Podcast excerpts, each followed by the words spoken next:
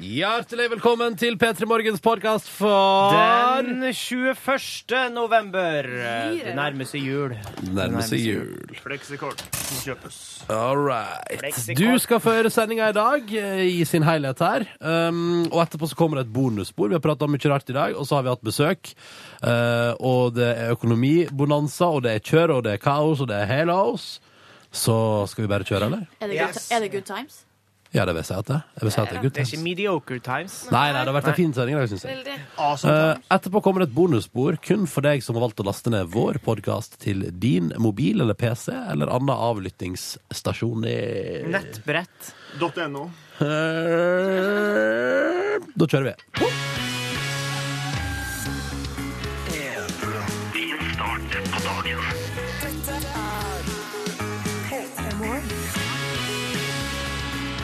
Hei sann, hei sann, hei sann. Da var det onsdag og den 21. november, og klokka bikka halv sju. Det betyr at du som hører på NRK P3, nå får servert programmet P3 Morgen, som går hele veien fram til ni, og som skal gi deg en fin start på dagen. Jeg heter Ronny, god morgen, hyggelig å være her. Jeg, jeg har tatt på meg ei hvit T-skjorte i dag, og så er det jeans. Uh, og så har jeg ikke gjort noe med håret, og så er det fortsatt litt vått etter dusjen i dag tidlig. Hva er det du bruker å gjøre med håret? Nei, jeg pleier, ikke, jeg pleier aldri å gjøre noe med håret, Silje Nordnes. Det er det Å, ja. som er Jeg, pleier, jeg har slutta med det. På, altså, da jeg var yngre, så er jeg veldig fokusert på å bruke p- produkt som Wak, Wax. Wax. Renati, liksom. Ja, du vet, Renate gikk altså så hardt. Det var så trendy det på Førde ungdomsskole på, Mm. på, helt på starten av 2000-tallet der. Morten Gams Pedersen-tida. Det var før Morten Gahls Pedersen var inne Oi. hardt. Altså, Renati var omdiskutert, omprata, og det gikk rykte om at dette var awesome, og alle hadde det. Yngve Stadreite har gjort noe med håret. Eh, Nei, men jeg kan ikke i dag. Men eh, som regel så bruker jeg å ha en, et kvart gram med fortsatt Renati oppi skallen. Det er min. fortsatt Renati, ja. Ja, eh, eller det vil si at mitt eh, Renati-kjennskap ble stifta for ca. tre år siden. Men- Eh, Så og det var jo folk- din forelskelse i Morten Gahls Pedersen som Nei. gjorde at du Eh, men, Kanskje ikke forelskelse, men Nei, altså Fascinasjon. det, ble jo, eh, det var mer det at de var ute etter et produkt som fungerte. ikke eh, lagde hvite flekker, sånn som gelé gjør, Ja. og som ikke gjorde Stivna. håret fett, sånn som den der eh, Rockawelly, et eller annet Hennes og Maurits-aktige greier som var voks... Altså, det, var, det var talg omtrent som han Ja. smurte inn i håret, eh, og som stinka gammel dame, da. Å nei. Eh, og så har jeg jo selvfølgelig mottatt kritikk i det folk oppdager at de bruker Renate og sier Hei, er du forelska i Morten Gans Pedersen? Eller er du 14 år? Ja. Eh, og så sier nei, nei, det her er bare det, det produktet som eh, passer med. Men bruker du den, eh, den grå eller den som er hvit? For den hvite er jo mjukere, og den grå er liksom hardere. Nei, eh, Eller har nei, jeg slutta med det, kanskje? det, Nei, det vet jeg ingenting om. Altså, jeg bruker den grå, men det Ja, er forskjellige hardeste. typer hardhet. Ja. Og det går jo da eventuelt etter lengden på håret mitt. Hvis Oi, jeg har sånn kjempekort hår, så eh, Men eller hvis jeg har kjøpt feil, da. Jeg bruker den som ikke er hardest. Før Renati kom og tok meg, så brukte jeg Husker dere det var Wella som hadde den Shockwave? Ja, den var hadde, det var, var ikke en reklame der, men liksom en fyr som Konseptet var vel at han eh, om natta ble var det, var det en gorilla til stede, jeg husker ikke, men det var i hvert fall han var ute av senga og, og i, i søvne der og ble liksom dratt rundt og rista og holdt over kanten på ei bru, men poenget var at mens alt dette skjedde på nattestid, så var fortsatt håret helt sånn topp. Høres ut som det var en gorilla til stede. Ja, ja. Det gjør det. Men eh, ok, så da med andre ord, ingen hårprodukt i dag, men vanligvis Renati. Hos meg eh, har det vært ganske uten hårproduktlaust siste åra. Sist jeg brukte noe hårprodukt, var kanskje sånn foran forrige julebord, så tok jeg kanskje et eller annet i håret, liksom. Ronny, nå lyver du fordi at du bruker jo hårkur. Det, Ja, men det, det- blir stadig det vekk er- lurt. Det er ikke det samme. Nei da, det skjølles ut. Nå snakker vi om hva som skjer etter det, når du kommer ut av dusjen. Ålreit. Sjøl har jeg gårsdagens produkt i håret. Og hva Ja. er gårsdagens produkt? Det er kanskje bitte, bitte, bitte litt voks for å legge noen sånne små hår, og så kanskje en eh, Voks for liten kvinner, da, selvfølgelig. Nei, det har ingenting å si hvordan voks det er. Det det er bare, Er du forelska i Morten Gast? det er bare for å få noen sånn små hår til å ligge ned, og så kanskje en sprut med litt spray. Ferdig.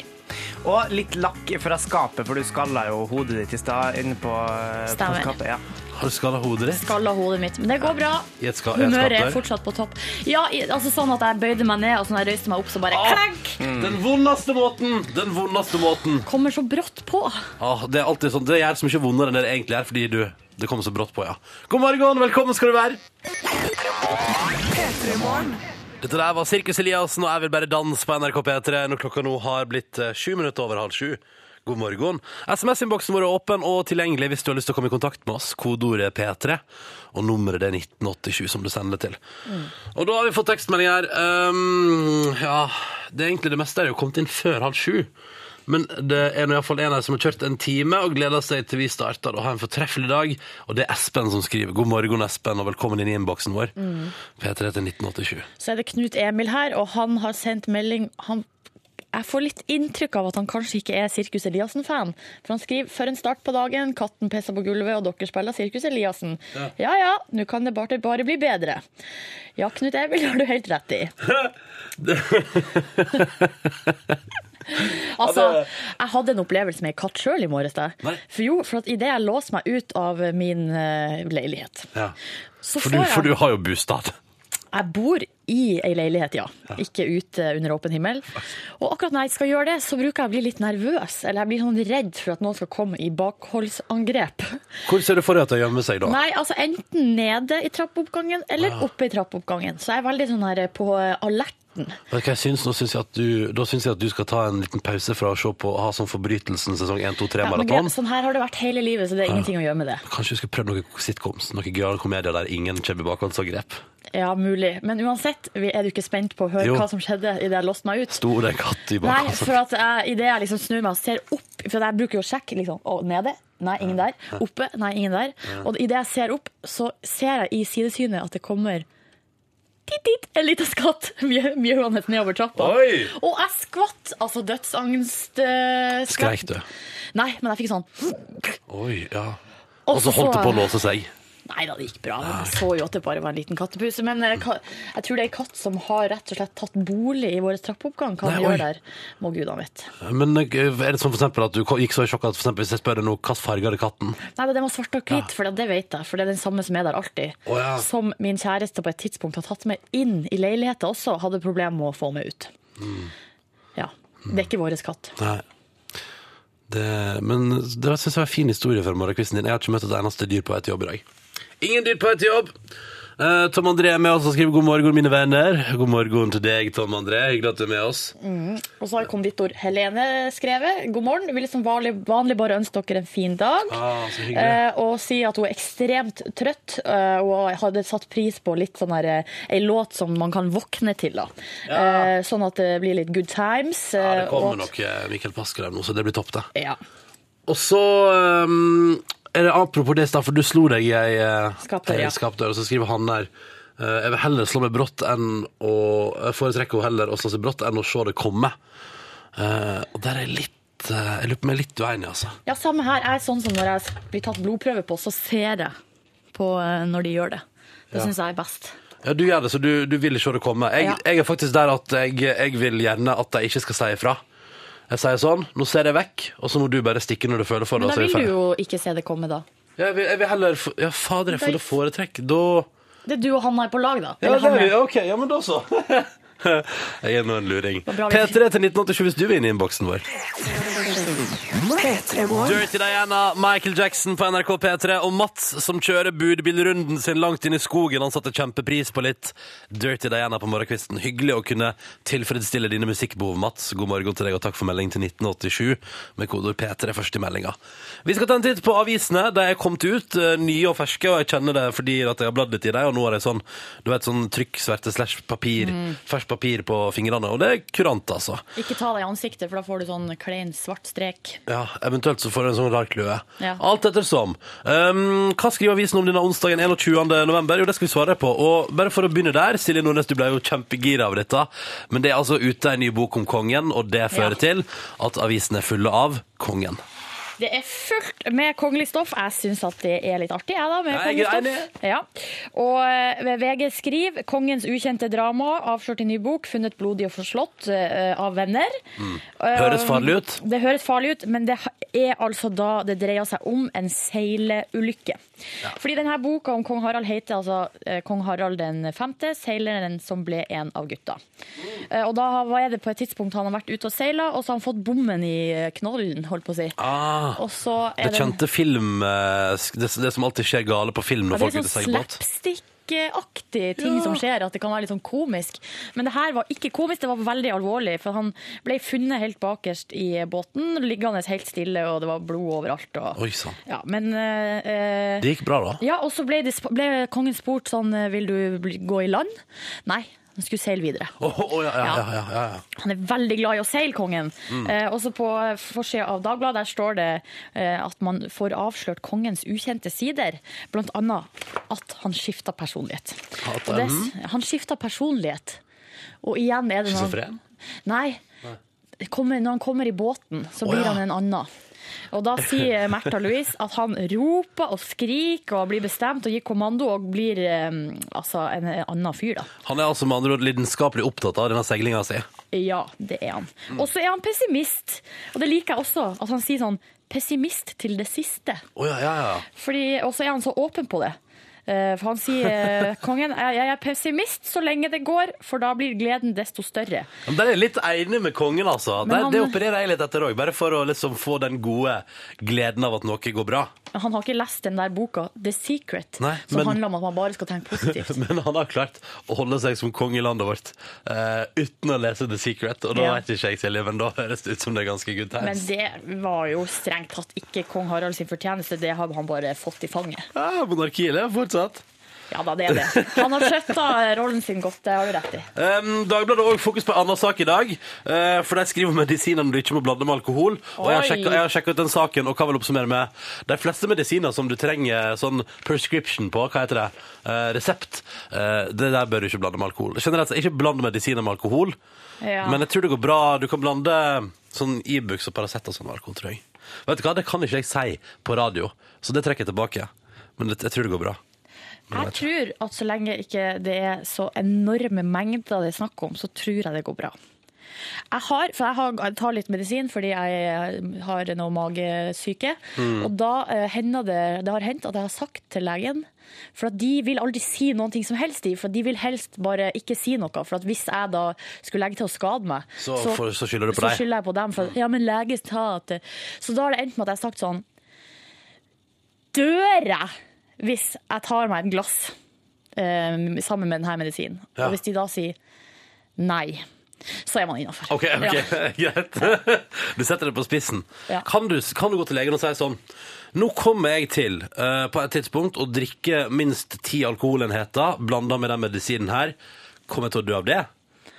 Ja, jeg føler at man må være åpen med egen lege, hvis ikke så er det ingen vits. Fordi, og det legen ofte sier, de har i hvert fall sagt til meg mange ganger, og det er ingen vits å si det til en ungdom hvis det er leger der ute. De sier sånn ja da, du kan godt ta deg et par glass. Og da måtte jeg bare si rett ut, um, når man er i midten av 20-årene og er sånn som meg da i hvert fall, så blir det ikke et par glass, det blir kanskje bitte litt mer enn det. Ja. Eh, vær, og kanskje det kan være det vi tar med oss ut av avisforsiden i dag? Være åpen med egen lege? ja. Ja, da gjør vi det, og så spiller vi kanskje den feiteste låta på P3 for tida. Jeg er litt usikker, men jeg tror det. For den her har jeg fått helt sånn, helt sånn hang på. Dette er Alina Devisjeski på NRK P3, og hun flytter på deg dama, som er ute med en ny låt som heter er Dark New. God onsdag og god morgen til deg som er våken allerede, og som hører på oss. Og hei til alle som allerede er på jobb, og heter deg rundt frokostbord, eller ute i transportland, eller fortsatt i senga. Og så snakker vi om Alina Davidsjerski-låta The Dark New i stad, som vi spilte som er helt utrolig feit. Og så lurte da du, Silje, på er, altså sier man at det er dark, altså bruker man ordet dark på svensk? Og da har vi fått svar nei, det er bare svengelska, bare. Altså det er bare altså, en blanding mellom norsk, nei, svensk og engelsk. Og så eh, er det en som sier det er Alina som forsøker å være spesiell. Jævla stockholmere. Så eh, nei, tydeligvis så er det bare Men da er det jo bare en kul sangtittel. The Dark New. Ja, Det er kult. kunst, det der òg, sikkert. Ja, ikke sant? Det er kunst. Nå skal vi videre på noe annet. Eh, Det skal bli eh, barne-TV-nytt, kan du kalle det. Jaha. det. Vi skal snakke litt om eh, Ronny sin Hæ, min- favoritt-barne-TV-personlighet. ok. Wow. Tror jeg, i hvert fall. Det Gaute skal- og Gullit. Gaute og Gullit var en fantastisk barne-TV-produksjon fra NRK Sogn og Fjordane. Ja, nei, det her er- Spilt inn i Førde på 90-tallet. Du var statist i Gaute og Nei, Gullit. jeg, var, jeg skulle ønske jeg var det, men jeg var ikke det. Men gud, hvor jeg så på det. Det var en gutt som hadde ei geit. OK, og- greit, supert. Nei, vi skal ha mer internasjonale farvann. Vi kan jo høre et lite k- klipp av hva jeg egentlig, hvem jeg mener. This is the song, la la la la, Elmo's song. Ah, Elmo! La la la la, la la la la, Elmo's song. Ja. Det handler om Elmo, fordi det er jo en stund siden at det på en måte eh, sprakk nyheten om at han som er personen bak prate Elmo ja. Elmo, er altså da eh, har blitt eh, anklaga for seksuelt misbruk av mindreårige. Nei, nei, nei. nei, nei. Ikke bra, ikke bra.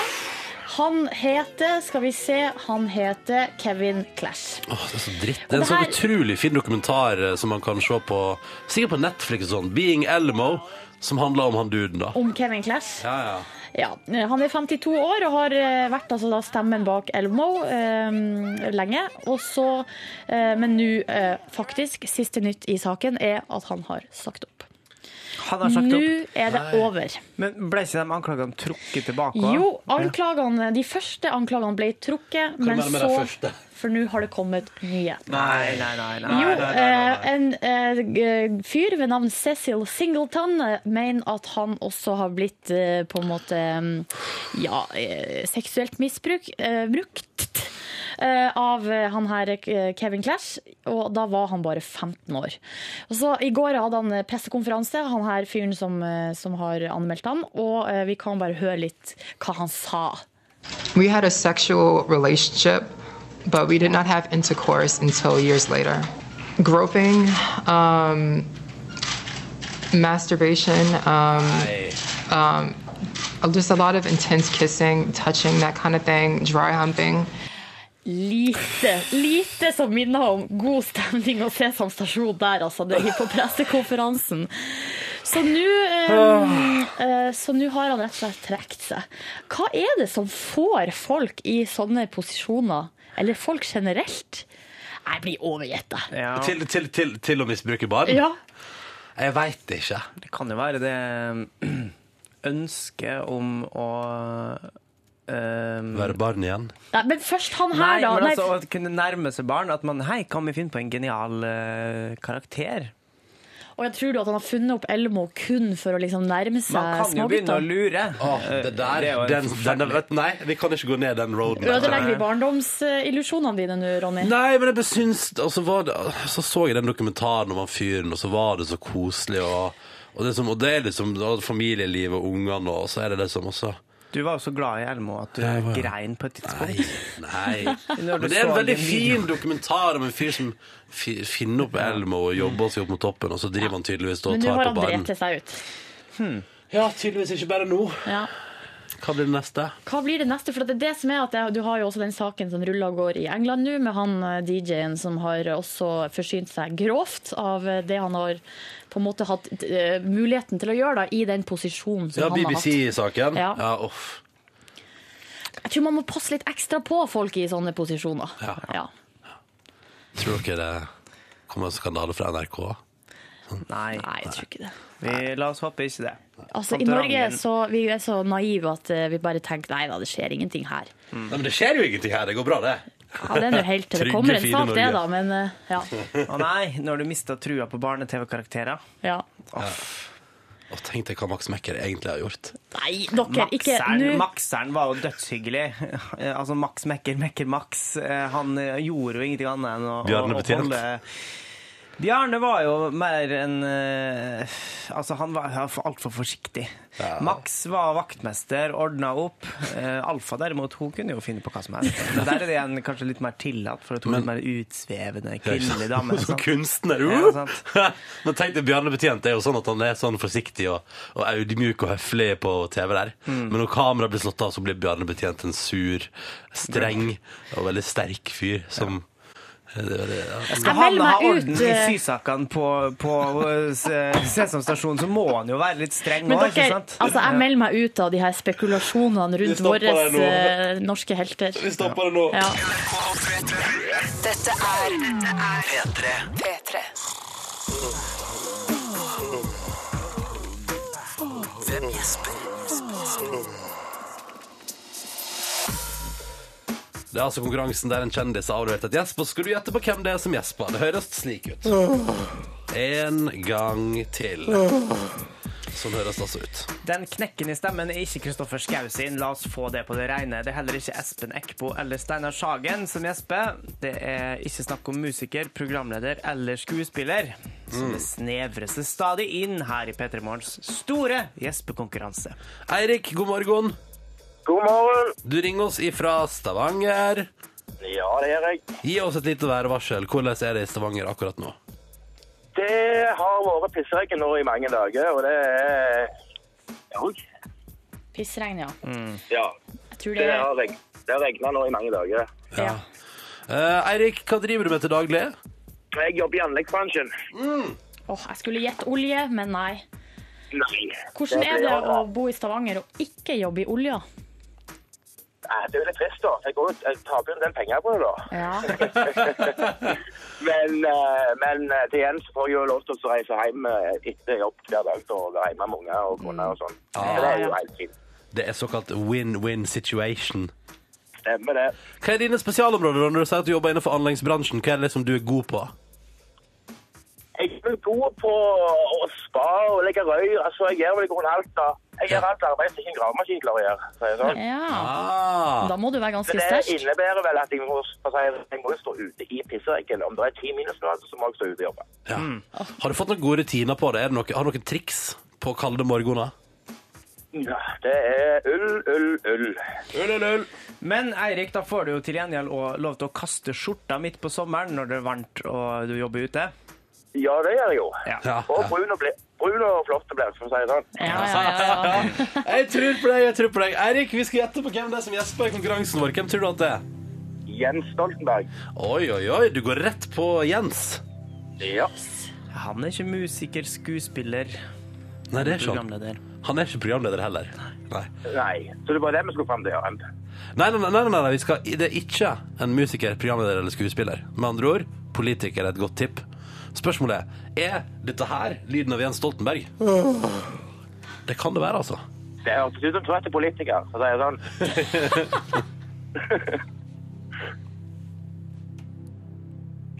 Ah, Nei, det var ikke det. Eirik. Beklager. Det var synd du var så blid. Det hadde vært hyggelig om du hadde vunnet. Takk, takk. Men det hørtes litt ut som Stoltenberg. Ja, jeg synes det hørtes ut som Jens Stoltenberg, men det var det da tydeligvis ikke. Og det var faktisk sånn, jeg tenkte sånn, jeg, jeg lurer på om du, jeg tenkte det før du sa det, at det kanskje er Jens Stoltenberg. Men nei, det var det ikke, Erik. Takk for at du ringte og ha en deilig dag på jobb. I like måte. Ha det bra! Ja, jeg lurer på, skal vi bare fortsette ned det sporet der, da, eller? Spør om, spør om det er en politiker. Ja. Det er veldig mye yrkesgjetting nå. Kanskje vi skal si- spørre om noe annet? Eller jeg kanskje, kanskje, kanskje vi kunne prøve det sånn, Dere spør om selvfølgelig nøyaktig det dere vil. ja. Silje, Ja? har du, hvis du har noe annet som du gjerne... ja hva er det du lurer på? Jeg har egentlig lyst til, jeg har lyst til å gå rett på å være sånn superspesifikk sånn, er han Høyre-politiker? Eh, AP-politiker? Altså, Ja, sånn, ja. skjønner du hva jeg mener? tror, tror du det er en, po- ja, gå på det, da. Tror du det er en Dere går politiker? ofte inn i litt sånn rare jeg roller, tror dere to. kanskje- Altså, hvis Ok. Silje skal impulsivgjette, så begynner hun å gjette på liksom, om det er krøllete eller stritt hår. Og Ronny tipper altfor snevert om det skal være urørt vinner i 2010 og Ja, sånne ok, ting. Men eh, kanskje vi, skal vi, vi kan Skal vi gå på hår, da? Har han mørkt hår? Ja, han har okay. mørkt hår. Okay. Yes, endelig et ja! P3. Du hører på Du hører på P3. Dette er P3. Dette var Caesars og Jerk It Out på NRK P3 i P3 Morgen. Deilig låt å starte onsdagen med.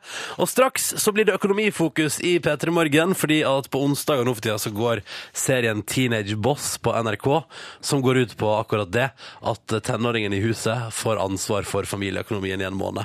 En av mine absolutte favorittserier, må jeg få lov til å si. Det er, det er, altså, det er helt fantastisk. Da er det 15-16-åringer som får hele månedsbudsjettet, alt som hele familien skal leve på, og så styrer de økonomien sjøl. Vi kan jo høre hvordan det gikk da Alexander, for eksempel, på 16 år, fikk lov til å bestemme over budsjettet til familien en måned, og her skal gi lommepenger til seg og mor si. Vi kan jo høre på det. Eh, lommepenger så har jeg valgt å gi deg 3000. Så jeg valgt å gi meg selv 7000. 7000? Ja, til meg selv. I'm the boss. I'm the Så- så 15-åringer, altså, de er så uh, fine. Så går han ut og kjøper seg jakke dyre jakke og koser seg. Ikke sant? mange tusen kroner. Og så, vet du, Jeg må finne ett klipp til òg, fordi når man prater om hva, hvordan han skal finansiere Skal han gi mora si bensin, eller Vent, da, skal jeg, jeg skal finne det klippet. Det, er veldig, det, er, det er veldig gøy. Se. her! Her er det. Hør på dette her. Så jeg, jeg, tror, jeg tror jeg kan kjøpe busker til mamma istedenfor å kjøpe bensin. For jeg tror det er dyrere. Du skal altså gi mora si busskort i stedet for bensin. fordi genialt, da. Busskort er billigere. Det er jo mye mer miljøvennlig òg. Det er det også. Vet du. Smart. Det var sikkert miljøfokus som satt der. Det som er da, er at vi får straks besøk i P3 Morgen av eh, Shazad Rana, som er rådgiveren til disse kidsa i Teenage Boss. Og her tenker vi at du som hører på, kan få muligheten til å stille spørsmål hvis du vil det, om økonomi. Det nærmer seg jul, uh, og hva skal man gjøre? Hvordan går dette her? Har noen økonomiske strider? Så jeg tenker vi at nå er det forbruker halvtime i P3 Morgen. Yep. Vil du stille spørsmål, er du hjertelig velkommen om alt som har med økonomi å gjøre. Kodord P3 til 1987, og så blir det altså da uh, økonomifokus straks i P3 Morgen. Men først nå så skal vi ha nyheter. Dette er P3. Don't You Worry Child fra Swedish House Mafia på NRK P3 når klokka nå der bikker seks minutter over halv åtte. God morgen og god onsdag til deg som hører på. Dette er P3 Morgen, jeg heter Ronny og Silje her, og så har vi fått besøk nå. Shazad Rana, du er, eh, skal man kalle deg den kloke veilederen i NRK-serien Teenage Boss? Om ikke den kloke, iallfall veilederen. Ja, ja, ja. Du kommer altså inn der. Dette, dette må du se på TV hvis du ikke har gjort det ennå. Du kommer inn der på gutterommet eller jenterommet og overleverer til disse 15-16-åringene som er med i serien. En koffert eh, der oppi der ligger da hele månedsbudsjettet til familien. Hele inntekten til familien etter skatt per måned, det skal ungdommen ta og styre i eh, altså den måneden da de er økonomisjef. Men husle eh, må de betale husleie og sånn også, da? Ja, det må de. Altså, det, det er visse ting som ikke de får lov å røre. sånn at det er jo ikke noe vits å spille Jeopardy med hele familiens eh, ve og vel. da. Det er da banklån til hus. Ja. Det er faste utgifter som strøm, eh, husleie eventuelt. Det får de ikke lov å touche. Så det er da satt av ferdiglåst i budsjettmalen, så det må de uansett betale. Ja, riktig. Men de må, de må gjøre det, da. De må faktisk sette altså de, de ser de pengene forsvinne. Du vet jo ikke, Det er ungdommen sjøl som forvalter. Det er de som får et eget nettbankkonto. Det er de som betaler. Alt skal de ordne med sjøl. Det er jo litt av læreprosessen. For, øh, og det slående er jo øh, fordi at vi snakker jo lite om, om, om familieøkonomi og privatøkonomi i hjemmene, og, på mange måter så skjønner jeg det, for at det trekker jo oss voksne ut av komfortsonen vår. Eh, og det er at øh, mange ungdommer er ikke klar over hvor mye foreldre eller hvor mye familien har i gjeld til huslånet. Så dette, det kommer jo som en overraskelse. At det faktisk går penger dit òg, ja. Ja, Og ganske mye. Ja, det er en vesentlig del av månedsbudsjettet går det, ja. Ja. Eh, hvordan er det å, å, å være med på dette, og hva, hva er tendensen? Det er, mye, er det mye uvettig bruk av penger i Teenage Boss? Svaret på det er ja, forresten. Ja, altså det, hvordan det er, La meg starte med det først. da. Um, på mange måter, Tidvis har jo jeg angra for at jeg har begynt å få krav hjemme.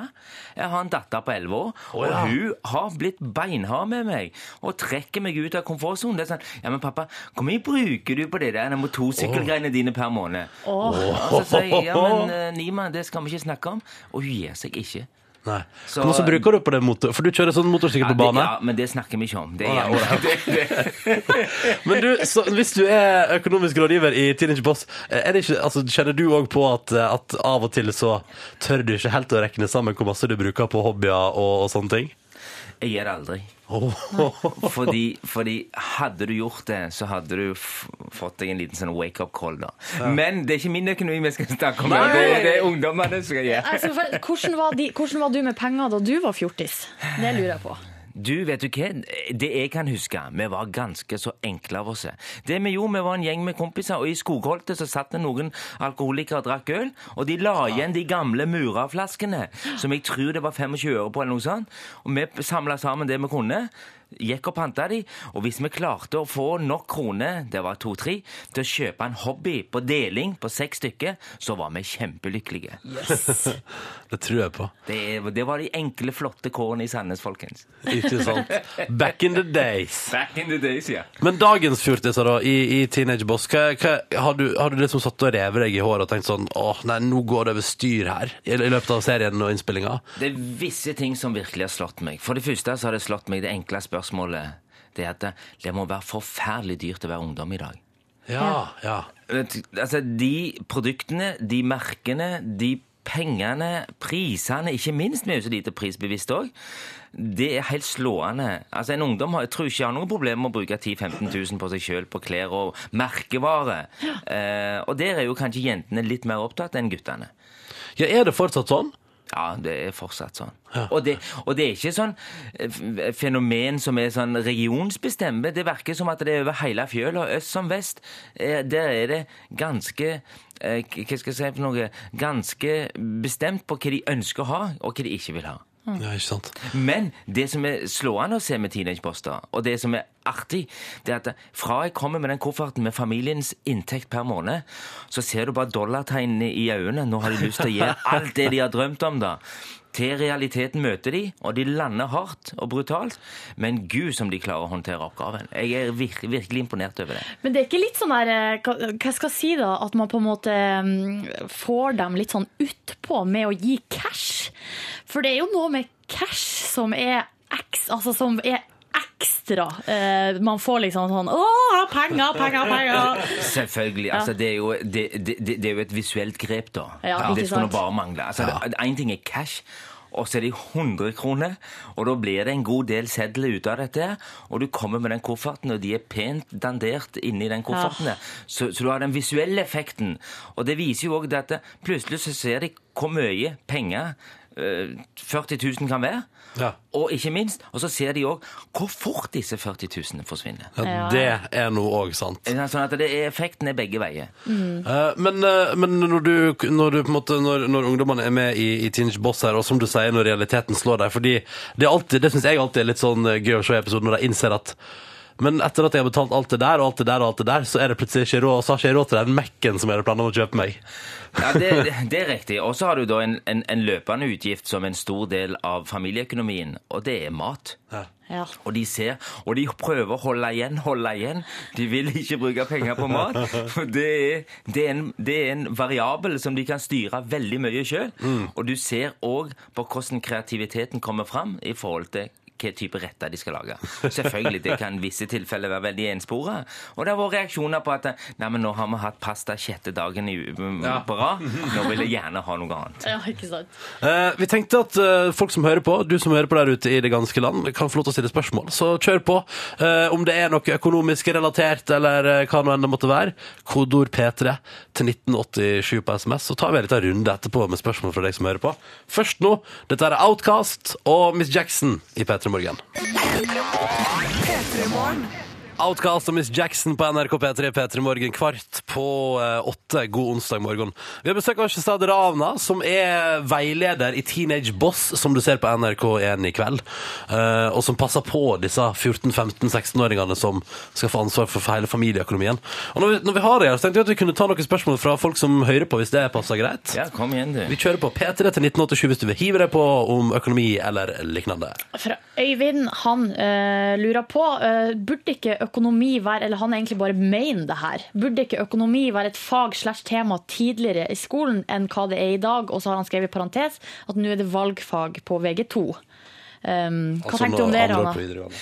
Jeg er veldig enig i det Øyvind skriver. Jeg syns jo sånn enkel privatøkonomi burde ha vært en del av den anvendte matematikken som vi bruker. da. Men når det er sagt, en annen ting som vi faktisk kan bli atskillig flinkere med, selv om vi foreldre ble, vil, vil bli dratt ut av våre komfortsoner, som jeg nevnte tidligere, det er å diskutere familieøkonomi rundt middagsbordet med ungene sine.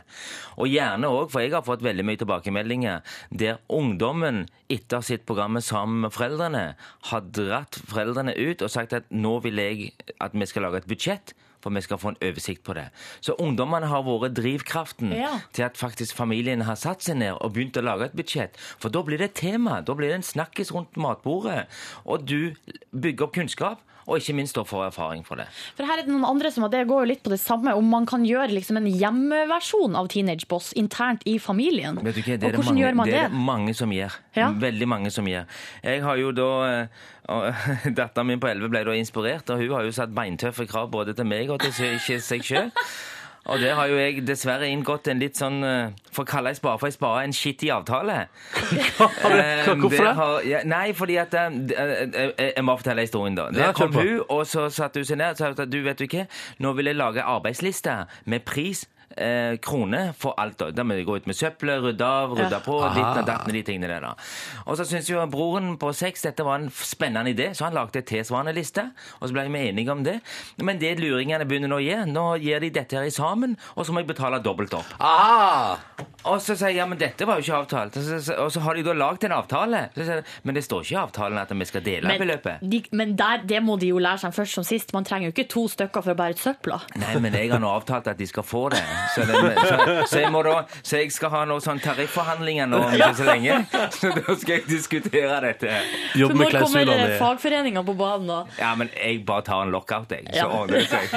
Det ordner seg. Har vi flere spørsmål? Kjør på med flere spørsmål fra innboksen. P3 til 1987. Eh, Skal vi se um, Ja, skal vi ta eh, eh, Hva skal jeg si uh, Private økonomispørsmål. Ja. Hei, jeg har en del regninger som bygger seg opp, og er student sjøl. Og med flere deltidsjobber klarer jeg ikke å få det til å gå rundt. Vurder å ta opp et lite forbrukslån for å bli kvitt alle inkassovarsler osv. Er dette lurt? Nå er jo ikke teenageboss noen luksusfellegreie, men jeg skal svare på det spørsmålet. Ja. Så vil jeg sagt at nei, det syns jeg han eller hun ikke skal gjøre. Jeg tror det er så mye mer bedre. Han kommer lenger ved å ta en runde, ta telefonen og ringe til de ulike kreditorene og bli enige om en nedbetalingsplan med dem. Det er mye smartere.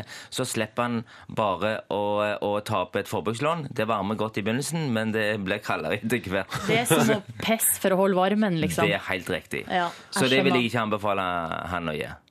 Ok, så men, men kan man liksom bare ringe og si hei, jeg er fucked? Nei, ja, ja, en kan jo strengt tatt det, da. Og jeg skal love dere jeg, jeg Altså, det er jo en fellesinteresse i at eh, de skal gjøre opp for seg. Og, og så lenge folk har et ønske om å gjøre opp for seg, men ikke klarer det likviditetsmessig, så skal jeg love dere at de kreditorene kan være ganske så imøtekommende i forhold til å bli enige om en nedbetalingsplan. Ja. Mm.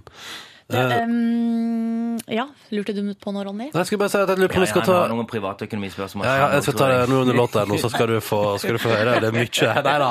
Eh, Jeg tenkte vi skulle ta et par spørsmål til fra deg som hører på, så skal jo vi kjøre på med spørsmålsruletten. Så hvis du, hvis du hiver deg på nå, så må du gjøre det under den låta her, P3 til 1987. Så tar vi med oss litt Blood Command vi på morgenkvisten for å vekke deg sånn ordentlig. Her er High Five for Life. Oh, Blood Command, High Five for Life. En liten energibombe på morgenen der, og som ikke det er nok, så ligger The Hives klar snart. Hate to say I told you so, det blir helt uh, konge. Uh, Shazad Rana er på besøk hos oss, og det er fordi at i kveld så ser du han veilede unge uh, 15-16-åringer i Teenage Boss på NRK1 til å ja, hva skal man si Å komme, komme OK ut av å styre familieøkonomien en måned. Det er vel det som egentlig er målet, er ikke det? Nei, altså vet du ikke, Målet er jo strengt tatt at ungdommen sjøl styrer økonomien. Jeg er der som en coach som de kan stille spørsmål, og så kan jeg diskutere med en del av de ting, altså, altså rundt økonomispørsmål. Men til syvende og sist så er det ungdommen sjøl som tar beslutningen, iverksetter den. Det er helt de som er run the show. Men har det skjedd at det har gått fullstendig på felgen? At de har kjørt skuta på, på land, holdt på å si? Ja, Vi hadde jo han eh, Alexander eh, forrige onsdag. Ja, han, han hørte vi litt klipp av her i programmet i stad. Ja. Ja, Han ja. var en fin fyr. Ja, fantastisk fyr, men han landa veldig rått og brutalt. Så, men, men han lærte jo masse. Han lærte jo fantastisk mye i løpet av den prosessen der, da. Ja. Så han har jo i, nå etter prosessen kommet ut som en mer trygg person på økonomi, og er atskillig mer strukturert. Ja, for Det var han som ville gi eh, mora busskort i stedet for bensin. Og så fikk Ja. hun 3000 i lommepenger, mens han fikk 7000. Så det er veldig fint. Du, vi har- får jo masse spørsmål inn Ja, til deg. inn eh, Og det er en gutt på 20 her. Han lurer på Det er litt sånn der eh, diffust spørsmål, men han lurer på om det er mye å bruke 20 000 i måneden På seg sjøl. på seg sjøl. På 20 år. Vet du, jeg tolker det sånn at det er Jeg er usikker på om husleie er med her, da, men han lurer på om det er mye å bruke 20 000 i måneden. Eh, altså, igjen som du sier, Det avhenger om det er totaløkonomien Ja. eh, til en 20-åring. Men det er klart eh, i så fall så bor, bor han ganske dyrt. Han betaler nok mye husleie her, tenker jeg. Ja. Så ja, jeg syns 20 000 er mye penger, jeg. Ja. Jeg vet ikke, jeg er kanskje blitt gammeldags av meg, men Men eh, ja, lite grann. Er svaret. Ja. Og så er det en, eh, det er en som sier Han uh, sier at han syns at um, Han blir irritert av teenageboss fordi at han syns de er så egoistiske, de ungdommene. Og da lurer jeg på, til deg, er det noe Har han rett i det, eller er det noe lyspunkt her? Jeg tror ikke jeg skal bruke begrepet egoist, eh, men, men det er et sabla godt spørsmål. Ja. Det som er, det er at ungdommene har da i sin hverdag med foreldrene feita for hver gang de ønsker å ha noe. Og så har foreldrene definert det som eh, kjekt å ha istedenfor du må ha det i forhold til, i, altså i forhold til eh, situasjonen. Det, det, den første reaksjonen, den skjønner jeg, for at her kommer du da inn med familiens totalinntekt i kontanter i kofferten. Og jeg skjønner den reaksjonen som ungdommen får, fordi at det er sånn Å, endelig! Jeg er sjef, jeg kan realisere alt. Men ifra den erkjennelsen da til å si ja, men pokker heller, familieøkonomien er så brei. Det er så mye forpliktelser. Det er så mye som skal på plass. Så får de seg en ordentlig trøkk i- eh, bokstavelig talt i trynet. Og så må de lære, og så må de beherske det, og så kommer de styrka ut av det. Ja, fordi det, Jeg har jo sett en god del av Teenage Boss-episodene, og inntrykket mitt er jo at de begynner veldig egoistisk og veldig sånn alt jeg skal ha meg sjøl. Og så kommer de vel ut av det som litt mer sympatiske og Atskillig mer ydmyke Ja. for den oppgaven det var å styre den, eh, den økonomien den måneden. Og, men, men selvfølgelig, altså, jeg skjønner jo at de, frem, altså, de kan fremstå som veldig egoistiske. Fordi at eh, de ser òg for hver gang de må ut med penger til strøm, til telefon, til mat, så bare, og så bare altså, de, de bare kjenner på seg sjøl at nei, nå brister den drømmen som jeg hadde lyst til å bruke disse pengene til. Så det er klart det gjør litt vondt for dem, for at de vil jo så gjerne være flinke og spare litt til seg sjøl, sånn at de kan få kjøpt det de har lyst til å gjøre. Mm. Uh, vi skal hoppe videre til uh, vår siste post på programmet, for du må springe videre ut i verden, og da er det vår spørsmålsrulett. Du tar på deg headset. Du må ta på deg headset, fordi Skal du få et spørsmål i øret, men først skal du få trekke hvilket skal få trekke spørsmål. Dette gjør vi med alle gjestene våre på tampen. Fra vår lille bolle du trekker ut et tall. Og hva står det der? Vi setter i gang ruletten, vi. Snurrer i gang vår imaginære rulett. Det står det 14. 14, og det betyr at du nå skal få på tampen her spørsmål nummer 14 i vår rulett. Er du klar? Ja, kom igjen, du. Ja, du, vi kjører på, vi kjører på. Her får du spørsmål nummer 14. Hva er det dyreste du har stjålet? Oh, økonomirelatert på et vis. Det dyreste jeg har stjålet vet du, Jeg vet ikke prisen på det, men jeg husker vi var eh, Jeg vet ikke hvor gamle vi var, vi 11-12 eh, år. Og så skulle vi lage en rennebil. En hva for noe? En En sånn, rennebil. eh, En olabil. Ola Ja, selvfølgelig. Ja, ja, ja. En olabil. Og da hadde vi ikke hjul, så det vi, vi var tre stykker, og det vi gjorde, det var det at vi stjal ikke barnevogna, men vi sagte av hjulene på barnevogna. Det er veldig gøy! Føltes sånn som det var i Harlem, at man satte bilene oppå på mursteiner og tok av hjulene. Ja, så vi sagte da av disse hjulene. Uff, jeg vet ikke, den historien har jeg aldri fortalt til noen. og jeg må si, det stakkars hun dama som da kom eh, morgenen etterpå og så skulle bruke barnevogna. Nei, nå fikk jeg dårlig samvittighet. Nei, nei, nei, det det, det ja, ja, ja, ja, nei, men dette var en dårlig rulett, altså. Ja. Nei da. Så pris, pris, det vet jeg ikke. Det var en stor verdi, helt sikkert, for den mora vi stjal eh, disse hjulene ifra. Åh, Dette synes jeg var en nydelig Ja, det var en kjempefin historie. Du var bare elleve år. Det må du ikke det, ja. Nei, Man gjør nei, sånne dumme nei, ting. nei. Ja, ja, ja. Du, vi sier rett og slett bare se til deg som er på Se Teenage Boss på NRK1 i kveld, og så får du hjertelig takk for besøk, og takk for at du svarte på litt økonomispørsmål og var på besøk hos oss i Petra Bare Morgen. hyggelig. Dette er P3. P3. Ah, Muse og Madness. Den låta her er jo så fin. Du fikk den i Petra Morgen straks ti minutter over åtte. Jøss, det skal jo spille konsert i hovedstaden vår eh, i desember. Ja. Mm, ja, utsolgt den, da. OK, og hva vil du fram til? Nei, at eh, det, vi har fortsatt ikke delt ut de billettene som vi skal dele ut. Vi har noen billetter som vi skal dele ut, og det skal vi gjøre på På Ja. fredag. fredag. Skal, hva, å, det blir fredag? Vi gjør det på fredag. Vi gjør det på fredag! Så, for det er, ligger litt i fredagens ånd, det å være sånn uh, raus og eh, hva heter det, gavmild. Skal finne på en gøyal konkurranse som eh, Jeg lurer på om jeg har lyst på sånn skikkelig sånn quiz med innringere. Kan vi ha det? Kan vi ha det? Ja, At, at folk må ringe inn og svare på spørsmål, og hvis de svarer på alle riktig, så får de billettene, og hvis de ikke gjør det, så går det til noen andre. Og så... Eller ingen å synge introen til Madness. Nei, nei, nei, mange sånne like, like folk. Det er P3 Morgen. Eh, Jeg heter Ronny, og dette er altså da Silje og Yngve som jeg lager dette programmet sammen med. Og så går det andre programmer på kanalen òg. Og det vil jeg prate om, ja, ja, og det vil jeg prate om nå, fordi altså, vet du, jeg fikk jo hakeslepp eh, da jeg innså eh, Da det kom sånn det ukentlige nyhetsbrevet fra P3-ledelsen der det sto sånn Og følgende gjester i Popsalongen neste uke. Så står det onsdag, kolon, Ellie Golding. Ellie Hva skjedde med hjertet ditt da? Um, eh, det banka litt fortere, Ja. og så kjente jeg på at uh, OK, men der er jo ikke muligheten til å invitere til P3 Morgen, fordi da har jo popsalongen Ja. ikke sant? Og så, Du blei stille på en litt underlig måte. ja, og så begynte jeg å kokkelere med hvordan skal jeg få med meg det? Silje, Sorry. ikke trekk seksualiteten til Ronny inn i dette her. Nei, men hvor, lenge. Nei, men hvor lenge har du vært fan av Ellie Golding, da, Ronny? Det siden hun ga ut debutalbumet sitt for to år siden. Ja. Uh, og jeg var sånn voldsomt fan. Uh, og elska Ellie Golding. Mm. Og i dag så skal hun altså traske rundt i kontorlandskapet her. Hun skal inn i det studioet her eh, som vi sitter i nå. Ja. Og skal hun spille live i popsalongen i dag. Popsalongen er mellom eh, ett og tre. Ja, og Så jeg har da- allerede sjekka, og Ellie Golding kommer i etterdraget. Hun kommer først i sendinga, liksom. Eh, Så da, og så er det Så nå er liksom, er det flere muligheter, fordi eh, jeg har også dette, Og dette her er litt sånn trist, men det er sant. Ja. Har prata med eh, Helgar, som er tekniker, når Ellie Golding skal spille live i dag, som sa sånn Vi kan jo late som du, Ronny, er på opplæring i teknikk, eh, og tilfeldigvis er nødt til å være der når vi skal rigge opp Ja, sånn at du tilfeldigvis er nødt til å være der når Ellie Golding skal spille live. Og være med liksom rigge utstyr, og kanskje du må just altså være med sånn «Ja, bare, or, Excuse me, eller I just have Kanskje du skal bort og så ta på litt? Og så bare Nei. sånn, jeg skal bare ordne det her. uh, må bare sette på deg grope, For plutselig begynner vi med sånn Ja, Plutselig, plutselig begynner vi med sånn mikrofonnummer på kroppen i radio. Det høres Og så må du under genseren, for da skal jo den der lille boksen til mygga skal jo ned bak. Og så bare unnskyld, unnskyld, jeg skal bare ned her. Og, Gå lenger. Oi, og BH-en, hops, hello! Nå trekker du seksualiteten inn i dette igjen. Eller så kan jeg ta den, den, den approachen som jeg bør gjøre. Som, altså når man først jobber i radio og liksom prøver å være litt profesjonell, så kan jeg godt bare sette meg i sofagruppa her ute og bare se på fra en Du kan jo også gå og hilse på og si sånn Hello, I am Kan- uh, kan Ra- Ronny. I Ja, am a radio host on the morning show uh, at this channel.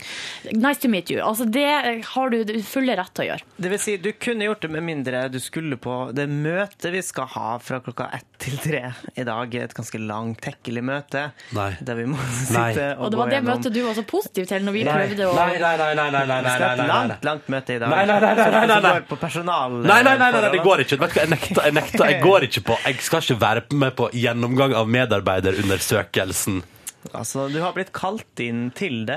Og Men Ellie Golding skal være her. Dette går, Nå rakner dagen min. Nå rakner dagen min totalt, faktisk. Men jeg lurer på om kanskje vi kan få avlyst det møtet fordi at du skal møte Ellie Golding. Tror du jeg får det til? Vi kan Prøv, gjøre det en kan ikke du annen dag. oh, Fader, altså. Vilde Batzer, sjefen vår, hvis du hører på nå, eh, kan ikke vi utsette møtet? Ja, Utsatt en halvtime. Det- Åh. Ja, dette, altså, vet du, dette, dette blir vanskelig. Dette kommer til å prege hele dagen min. Men alle som hører på, som har mulighet til å slå på radioen i dag mellom ett og tre, de kan jo høre på Ja. Ellie Golding, da. Ja, Og hvis dere hører noe skriking eller et eller annet sånt i bakgrunnen, eh, så er det sannsynligvis Ronny Brede Sannsynligvis. Mm. Og for en tilfeldighet at uh, vi skal spille Ellie Golding Oi. akkurat nå. Hello, Ellie, if you're listening, uh, welcome later this afternoon. Uh, her er Anything Could Happen. 13, snart 14 over 8. Ronny loves you. Dette er P3. Everything is everything, Phoenix på NRK P3. Ti, straks ni minutter på halv ni. God morgen. Og jeg skal bare komme med en liten oppdatering. Eh, Ronny hadde jo en liten utblåsning her i sted, fordi eh, Ellie Golding kommer innom eh, P3-lokalene i dag i etterdraget, og vi har et møte da, et personalmøte. Um, men jeg har fått beskjed av, fått melding fra sjefen vår, Vilde Batzer. Hun skriver møtet kan dessverre ikke utsettes, men Ronny kan få lov til å gå ut i 15 minutter for å mekke, mekke på teknikken i hermetegn, sammen med tekniker Helgar, og få seg kanskje en autograf fra Ellie Golding. Ah, yes! Så ja. da, Ronny, da vet du det, da. Da kan jeg det, men jeg kan fortsatt hende jeg feiga ut og ikke tør. Så vi får se. Nei, skjerp deg! Da skal jeg i så fall egenhendig følge deg bort. Ja, Ellers så henter vi Ellie Golding inn på møtet. Kanskje hun kan være med på gjennomgang av medarbeiderundersøkelsen? Ja da, Så lenge du står for oversettelsen, så er hun med på det. Yngve, det er din tur. Ja, for i går hadde vi en noe urettferdig quiz for å definere hvor flink Silje var i nordnorsk. Eh, og Ronny kom jo til kort der, selvfølgelig. Ja. Eh, derfor så eh, lovte jeg på tampen i går at vi skulle ha en egen liten Førde-quiz. og den skal blåses i gang nå. Det, jeg tror at dette her skal gå i Ronny sin favør, for liksom å jevne ut, da. Ja, vi får se da. som to små barn, disse her som vi jobber sammen med, og kjekler hver gang de eh, ikke får det sånn. Altså, hvis noen vinner, så blir det liksom hovering. Så vi må prøve å jevne ut litt. Rann. Dere har fått utdelt hver deres lyd, som dere skal få lov til å trykke på når dere mener dere vet svaret. Ronny, vi kan spille av din lyd først. Ja. Den klassiske Førde-geita, eller Gullit, som det nå kalles. Ja. Og Silje, du har En litt lengre lyd, som er Det her er fylkessangen. Sogn og Fjordane-sangen. Eh, For det Førde ligger jo i Sogn og Fjordane. Det er det. Og Og var ikke det et spørsmål? Eh, Er det, ligger det i Sunnfjord eller Nordfjord? Ja, Silje? Jeg jeg gi med meg spørsmålet. Vil du bare høre sangen en gang til? Jeg svarer Sunnfjord. Ja, det stemmer. Men det var ikke poenggivende. Eh, Det var bare et innledningsspørsmål. Første spørsmålet. Ja. Vi begynner enkelt. Hvilken kirkes klokker hører vi her? Kommer ikke gjennom. Du må trykke en gang til. Ja, nei, vent da. Nei. Hva er det som skjer? Det der er billig triks, Ronny. Ja. Yes! Der, ja, Silje. Førde kirke. Ja, det stemmer! Det er ett poeng til Silje i, eh, i Førde-quizen. Ålreit. eh, Da skal vi gå videre her. Eh, Hvem er ordfører i Førde? Ja, Ronny. Å, herregud. Ja, dette Ja, å, er er Heter han Olve eller noe sånt? Ja, vi må ha mer enn bare fornavn. Eh, Olve. Det gamle Olve. Han er ikke så gammel. Nei, Å, men det, det er akkurat bytta, skjønner du, og jeg har flytta hjemmefra. Nei, G- altså, g- han- Heter han Grotte? Ja, det stemmer det. Han har ikke akkurat bytta. Han sitter, begynte i 2011. 1-1, Ja, ja, det- 1-1, da. Ålreit. Ja. Hvilket parti representerer Sold Olve? Ja. Eh, Silje? Eh, Vent litt. Eh, Ja, Silje? Arbeiderpartiet. Nei! Ronny Brede Aase. Høyre? Ja, men det er like før du ikke får poeng, altså. Vel, vel. Spørsmål.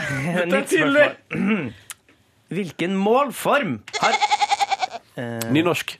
Ja, men Hva var ok. spørsmålet? Ja, eh, hvilken målform har fått sin egen skog i Førde? ja. Ja, det har jeg jeg har jo svart. ja, ja, Ronny. Nynorsken skog. Ja, Nynorskens skog var det vi var ute etter. Ronny, du fikk et poeng. Du får et poeng, du og Silje. Yes! Ettersom det var nynorskens skog jeg var ute etter, som var fulle. Uh, hvem snakker her? Mykje av motstanden mot fargefjernsyn er av psykologisk Ja, Ronny? Einar Førde. Ja, det stemmer! Tidligere kringkastingssjef. Ja. Eh, avslutningsspørsmål. Ronny, du har allerede vunnet. Ja, takk. Hvem er P3 Ronny sin favorittlærer, ifølge firda.no? Jeg vet ikke, men jeg tror likevel. Ja, Silje? Er det Gunvar? Nei, det er ikke Gunvar. Ja, Det er Ronny. Per Kjetil. Per Per Kjetil, og han er fra Sunnfjord? Sunnfjord! Får jeg poeng? Please gi Ja, meg du får poeng. et poeng for det, ja. Eh, Ronny Brede Aase, du veit betydelig mer enn Silje om Førde. Selv om du ikke veit så altfor mye. Nei, men i det var hvert fall ikke så veldig overbevisende, da. Eh, 5-3 endte vi opp med. Ronny, du er fra Førde. Jeg er fra Førde, jeg. Og her er Jukebox The Ghost. P3. Florence and the Machine igjen, Calvin Harris remix, Spektrum eh, på NRK P3, seks minutter over halv ni. God morgen, da er det P3 Morgen, jeg heter Ronny, Silje og Yngve er også. Og dere, det var jo nyhet om Florence and the Machine i avisa i går. Ja. Fordi at Florence Welsh, som da er Florence and the Machine, hun eh, skal ta pause fra musikken nå for å gjennomføre sin barndomsdrøm, nemlig å lage musikal. Oi! Oi! S- Skrive musikk til en Ja, musikal. hun skal mekke en hel musikal fra bunnen av. Ja, da må hun skifte sjanger, holdt på å si. Fordi eh, det der, den popgreia der går jo ikke i en musikal. Å Stå og skrike på den måten. Hæ, sier du det? Eh, ja, det blir vel litt vanskelig å følge med. Sier ikke det. Sier ikke det. Jeg tror dette går helt fint, jeg. Men det er veldig, men det er veldig ikke at nå tar hun Da har hun da har du det fint når du bare sånn Nei, nå bare setter jeg alt eh, Nå tar jeg popmusikk og greiene mine på hylla, så legger jeg det vekk litt for å mekke musikal i lag med ei venninne. Men sa saken noe om hvilken, altså, hvilken type musikal er vi på her? Er det sånn her eh, Er det noe pattedyr-inspirert? Den er brukt. Er det kanskje noe sånn der eh, fransk revolusjon-aktig? Den er tatt, altså. Ja, men en sånn det- bibelhistorie liksom Legg det sånn rockeaktig fremstilling av en bibelkarakter. Og så tenker jeg også med en gang når man snakker om sånn moderne musikal, så tenker jeg på, med en gang på den musikalen som han eh, hovedrolleinnehaveren i eh, den derre Sarah Marshall. I love, I hate Sarah Marshall. Forgetting Sarah Marshall, ja. Sarah Marshall, ja. Som er med hun jenta Kirstin Bell, eller Veronica Mars, som jeg liker å kalle henne. Og så er det han fyren fra How I Met Your Mother. Met Your Mother. Og han uh, skriver en musikal som han opptrer med helt på slutten. Ja. Det er rare greier. Men du, den filmen er gøyal. Kjempemorsom film, men jeg bare tenker med en Russell gang Brand er det. det er snakk om moderne musikal, så tenker jeg det blir så rare greier. Ja, ok, ja, greit. det blir spesielle ting. Men det er dagens lille filmtips fra Peter Morgen, 'Forgetting Sarah Marshall'. Ja, Jeg tipper at den heter et eller annet idiotisk på norsk. 'Dumpet av Sarah Marshall'. jeg tror faktisk det er den Ja, heter. det vil ikke overraske meg litt engang. Ja. Ja, ja. Du hører på Du hører på P3. Podkast bonusspor. Ja, ja. Hallaisiken. Hallaisiken. Kan jo innlede med å si at eh, de fleste av oss var på fest i går. Ja. Derfor en litt sånn ukonsentrert, litt øsete stemning i dag. Ja. Som eh, Ganske uprofesjonell gjeng, vil jeg si. Jeg var ikke det, da. Jeg syns at vi burde gå på fest i lag mer. kan Ja, godt jeg være synes at altså, det var- fortsatt rus hos meg. Jeg sier dritings. Nei, bare kødda. det er du kødda. ikke. Det- Drakk tre øl i går. det- Fire, kanskje. Kanskje fem? Nei. Yngve, Hvor mange var det? hadde ikke vi ganske likt drikketempo? I så fall var det ikke bare fem. Nei. Jeg skulle Altså, til å jeg si skjønner, det. hvordan får dere det til? For Kom jeg inn på drakk slutten. hvor mange det?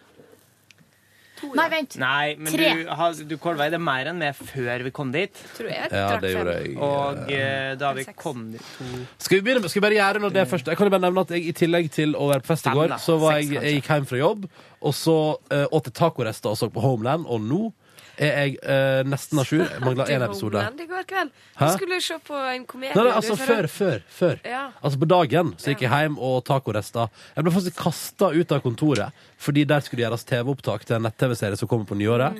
Så, da, så da fikk jeg og Yngve klar beskjed om at uh, Ja, Øyvind Thon. Det er hemmelig, tror jeg. Ja. Så det uh, Men i alle fall jeg og Yngve ble kasta ut av våre plasser og bedt om å gå hjem, og da gjorde vi det. Eh, og da gikk Ja, det skal ikke jeg fortelle, for det skal du fortelle sjøl hva du gjorde da, Yngve. Uh, men da gikk jeg hjem og spiste tacorester, så Homeland, og så tok jeg meg en dusj og stakk på party. Party. Uh, party, party. Skal vi ta alle sine før fest-greier før vi tar, tar festen? Kan ikke vi bare ta det? Jo. Skal For, for alle. Skal jeg fortelle for alle? Nei, ta før festen. Før festen. Og så skal vi snakke om festen i lag etterpå. etterpå. ja, ja. Da går jeg. OK. Eh, jo, det jeg gjorde i går, var da å gå fra jobb. Og da eh, hadde jeg først vært i kontakt med en fyr som omsetter kjøleskap. Bare svarte Eh, marknader. kombiskap, da. Nei, det var ikke svart. Har kvittering. Omsetter deg fra sånn tysk til norsk. Nei, altså Kjøper vel opp eh, parti, og så, og så selger det unna. Jeg vet ikke, kanskje det er fra Tyskland? Det er godt mulig. Så jeg drog opp til et område, industriområde, et sånt lokk i Oslo som heter Ryen. Aldri vært. Nei. Å, der har jeg jobba på et trykkeri. Kødder du? Nei! Høyr, høyr. Helvete. Jaha. Men, men eh, fascinerende område, fordi Det er, på, ja, eh, det er bare Det er mye næringsparkaktig. Og noen jævla irriterende ungdommer som sto og jobba for et eh, helsestudio. Ja, Og skulle Elixia liksom, der. eh, Nei. Å nei. eh, Et annet et. Jøss. Eh, Og delte eller? ut sånn Ikke derre- Sats, noe annet. Eh, What? Nei, ja, og de hadde åpna et nytt senter, og så åpenbart ja. han gutten Det var en gutt og to jenter som eh, Gutten var liksom sikkert sjefen der da, og skulle Ja. liksom vise dem, lære dem opp og sånn. Ja. Og så det han gjorde, var bare å drite seg helt ut. Fordi at jeg var først i kontakt med hun ene, så sa jeg, letta jeg på øreklokkene, så sa jeg jeg bor ikke her, så jeg er ikke interessert. Og så gikk jeg videre, og rett inn i favnen til han der eh, fyren som kom med et eller annet sånt eh, litt sånn oppmerksomhetsfangende utsagn. Eh, Hva da? Nei, det var noe sånt eh, Ja, et eller annet tilbud-greier. Så, litt sånn her noe artig setning da, som kanskje kunne henge meg opp i. Så sa jeg jeg har nettopp snakka med kollegaene dine her. Jeg bor ikke her. Og så sa han OK. um, og det burde han egentlig ha fått med seg hvis han var liksom uh, veldig flink i jobben sin. Ja. Hvis ikke så blir det mas, ikke sant? Ja. Eh, og så var jeg og kjøpte kompiskap. Kjøleskap. Gratulerer så mye. Mm, takk for det. Splitter nytt med Isbitmaskin garanti og Nei, ikke isbitmaskin, for det ser ikke vitsen i. Og så eh, Det skal da leveres i dag. Farrismaskin, det vil jeg heller ha. Men Da må det være kontakt med Farrisvatnet òg, da. Å ja. Mm. Men, ja. Men det er mange eh, kjøleskap som har sånn der får boble vann ut. Å ja. Nei, men da vil jeg heller ha altså, at det ligger et sugerør nedi eh, i Farrisvatnet, som ligger i Brumunddal, ja, eller hvor det er. Ja, Stikke huet inn i kjøleskapet Ja, og sant. suge opp. Mhm. Det er bra. Ingenting er som å stikke huet inn i kjøleskapet og så mens de var der oppe, så måtte de veldig pisse, da. Så Ja. de spurte om har dere et toalett å låne med. Og så sa han ja, bare gå ut der, bort der, og så opp et trapp. Og da, da kom jeg inn i østblokken, følte jeg. Der var det plutselig på 80-tallet en eller annen gang. Det var røyk, altså innrøyking og Jøss. eh, sånn korridor med kontor. Og det var plutselig sånn taktskifte og en sånn tilværelsesskifte. Um, Idet jeg var eh, der oppe og pissa. Forandra du deg på den turen? Nei. Men jeg gikk innom uh, ortopediklinikk for å Wow. få nye innleggssår. Ble du Som- kommunist mens du var der? Nei, det er jo fra før av. Ja, riktig. Og så uh, skulle jeg ned igjen, uh, ta T-banen ned, da. Til eh, der jeg bor. Altså, grunnen til at jeg var så mye ute, var fordi at de holdt på å skifte vindu i leiligheten min. Ja. Så jeg måtte jo ta en liten runde. Mm. Og selvfølgelig passerte de disse her irriterende ungdommene igjen. Fra den her nå eh, kjøpesenter... Nei, helsestudiokjeden. Som, der han gutten skreik til meg at de hadde åpna et nytt senter. Like attmed sa jeg ja, ja, jeg snakka med deg i stad, fortsatt ikke interessert og bor her. Enda ikke. Og da ble han flau igjen, da. Oh. Mm. Hvilken kjede var det? Eh, det heter sånn Fresh og Co. eller et eller annet. Er litt sånn, noe- Det altså- det. Noe sånn lignende. Rød logo. Eh, sikkert et bra senter, men jeg er jo ikke interessert i å dra opp til Ryen for å trene. Nei, Tenk hvis det heter Carl og co. Eller hadde vært til å være Donald med. Duck og co. Ja, sant. Som er det eneste koene du kjenner til. Ja. Og så gikk jeg og spiste en eh, karrirett på et lokalt spisested der jeg bor. Karri! Karri! Mhm. Alene? Aleine, fordi at jeg orka ikke å sitte inne eh, mens noen drev og skifta vindu. I Eh, og hear så you, man. var det såpass kort tid at jeg kunne Oi. liksom ikke ringe til noen og begynne å lage middag hjemme hos venner og sånne ting heller. Men da ble det en deilig karrirett, da. Det ble en deil, ja, den var helt OK. Ja. Jeg spurte hva slags karri er det snakk om, og så visste de ikke. Eh, Det er godt utgangspunkt. Ja. Men det var indisk karri. Nei, altså, de mente liksom Er det snakk om Er det sånn thai, eller er det Rød, grønn. type Ja, er det paneng, eller noe sånt? Men hvordan, Var det thai, eller var det indisk, eller hva det var slags plass? Nei, det var en slags Altså, det, det er en hasle sushi, da. Men eh, Ja. ja. Men det der syns jeg er så fascinerende, fordi eh, det er så mange plasser i Oslo hvert fall som er sånn asiatisk sjappe, Mm. der du får um, sushi, Mhm. og så, for, så japansk, og så er det vietnamesisk, Mm. eh, thai og eh, kinesisk. Ja. De fire får du, liksom. Ja. Jeg setter jo pris på det, jeg som ikke er så glad i sushi. Ja. Sushi, Men det var veldig god, det var god mat. Sushi. Eh, og så dro jeg hjem og så på de nye vinduene mine, som var kjempefine. Var det enda ja? større enn de gamle. Men det var et problem rakk, altså. som uh, dukka opp i det i fordi at jeg ble jo vist rundt av han ene som hadde liksom litt overoppsyn der. Eh, og viste meg hvordan, for det var sånn her barnesikring. Ja. Så viste han hvordan jeg kunne åpne vinduet helt. Så idet han gikk, så Hadde du glemt hvordan du gjorde det? jeg hadde ikke fulgt med. Og nå får jeg ikke opp vinduene, vinduene mine ordentlig. De vil bare åpne på et lite hakk. Det er IQ-sperre, da. Ja, det er det. Ja. Eh, og jeg har stått og fikla med dem både før jeg dro på fest, og etter at jeg kom hjem fra fest. Og litt i morges. Bare for Ja. å sånn Faen, er det her? Det må kunne gå an å vri på en eller annen måte. Jeg sier bare google it.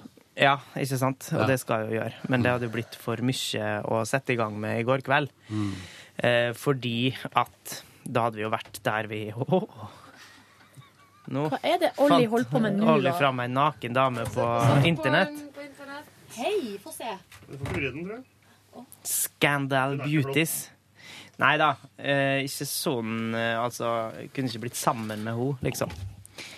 Grunnen til at vi havna på denne sida, var at eh, en venn, en venn av deg på Facebook Ja, hun er venninna på her. Hvem av dem? Er på bildene? Hun, hun, hun blonde. Hun som eh, de har sensurert brystvortene til. Olli har Hun er jo ikke blond. Nei, der er hun brun. Hva er nettsida igjen, Er det hvis man skal ha lyst til å gå inn på det? Scandalbeauties.com! Har du vært uh, tap that, for å si det sånn? Eh, om jeg har vært og tappa nett? Nei. Ja, nei. Olli, Olli, Olli. Ja.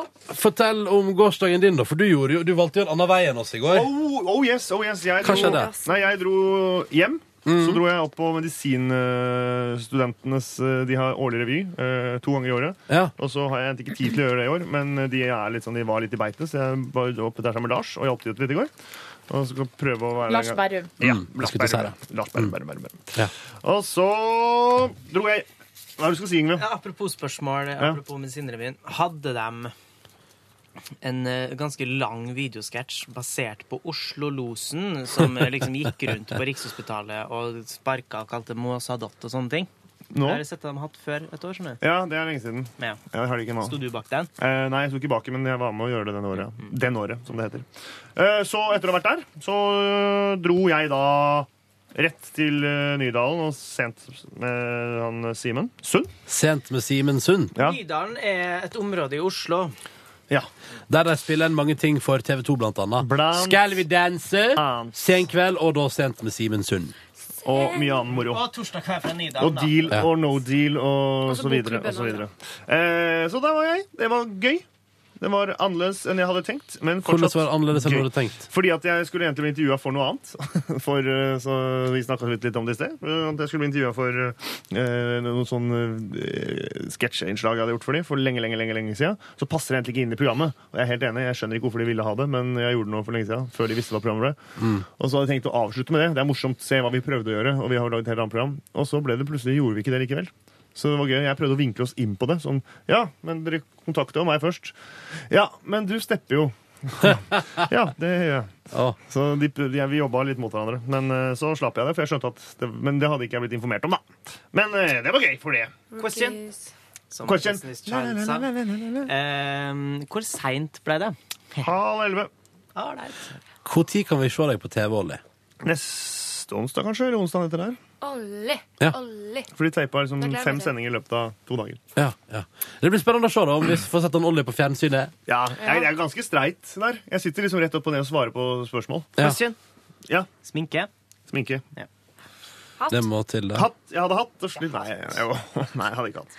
Hvorfor sier du at du har hatt Og så avslutta jo hele, hele sendinga ble jo avslutta med Gay Da, Choir, eller hva de heter. Nei, de heter Oslo ikke det. Kor. Ja. Det er ikke lov å si sånt, Olli. Hvorfor ikke? At det er jo ikke sånn at alle som er homo, er pornostjerner. Nei, broren til er det. Kråkevik. Jeg trodde Han er der. Det er, de er jo det. De er ganske kjekke, de der i fagottkoret. Mm. Ja, de er morsomme. De er um, artige folk. Han ene er broren til Herborg Kråkevik.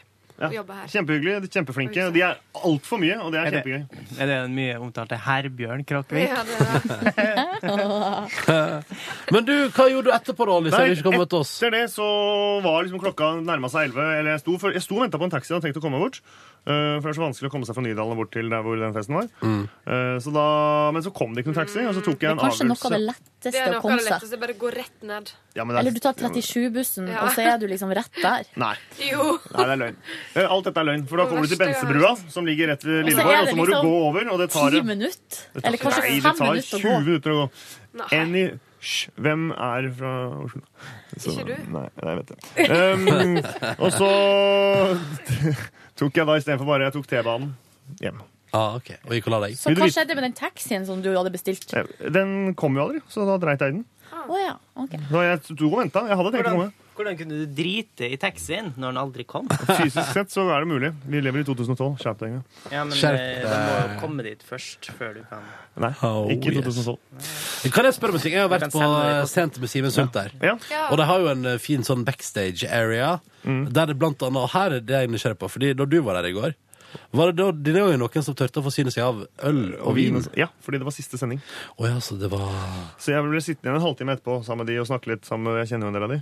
Ikke så koselig, med andre ord. Nei, for jeg hadde jo tenkt å dra på Lydverket, men det Ja.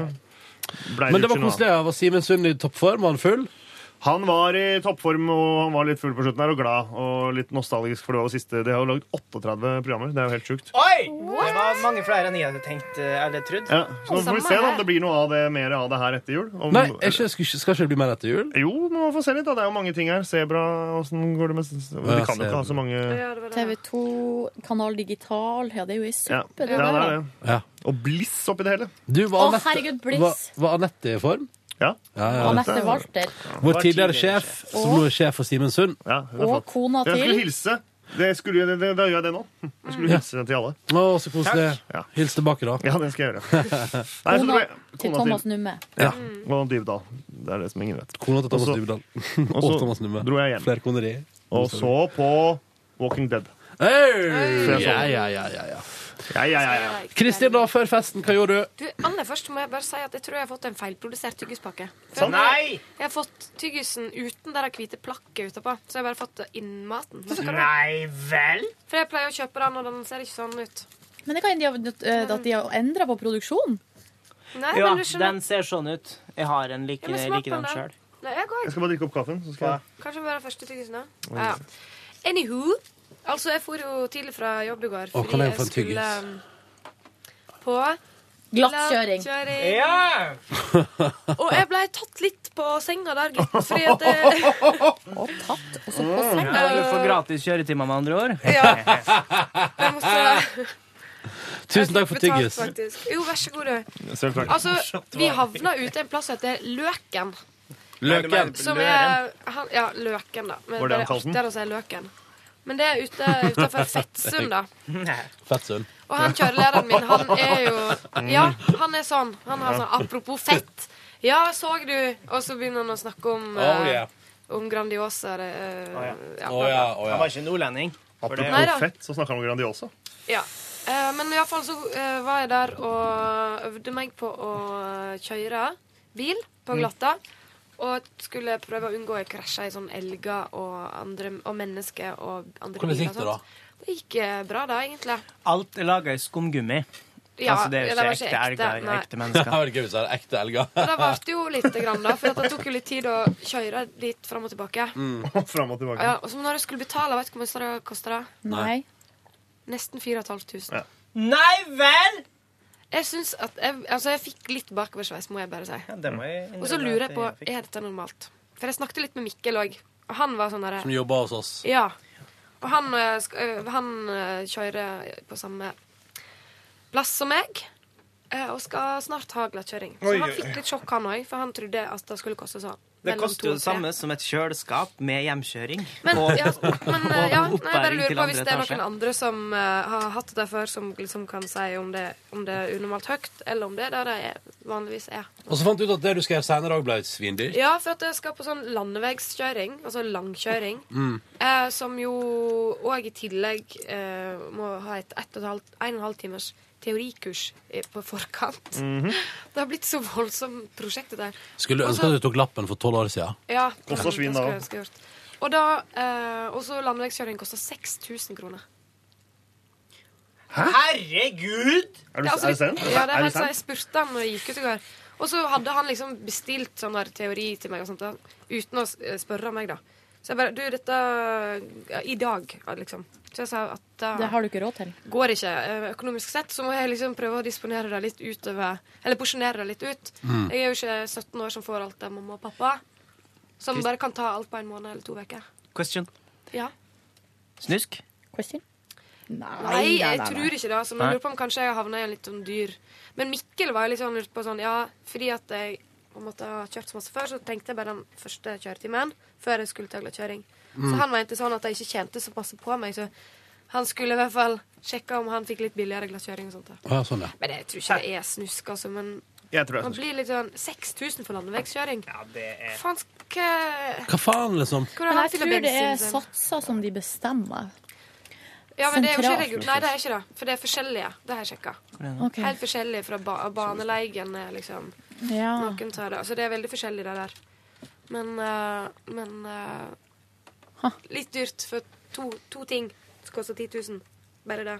Jøss. Så Ja, det er insane. Jeg skal jo kjøre opp, jeg òg. Kanskje eventuelt en gang i framtida. Åh, Ja. jeg er så lite keen på det. Ja, men det er jo liksom kjekt å kjøre, da. Men det er liksom dyrt. Fins det sånne ukeskursene lenger? Ja, Ja, intensivkurs. det det. Ja. Koster 40 000 kroner. Ja. Nei, det er ikke så dyrt. dyrt. Det spørs, det spørs om du skal bo eh, og ha overnatting, eller hvordan du gjør det. For at lillebroren min gjorde det på Stjørdal, og det er jo da det er ikke mer enn Han er 21, da, så det er ikke mer enn to år siden. Og han øh, tror jeg betalte 15 000. Nei, det er jo som vanlig pakke.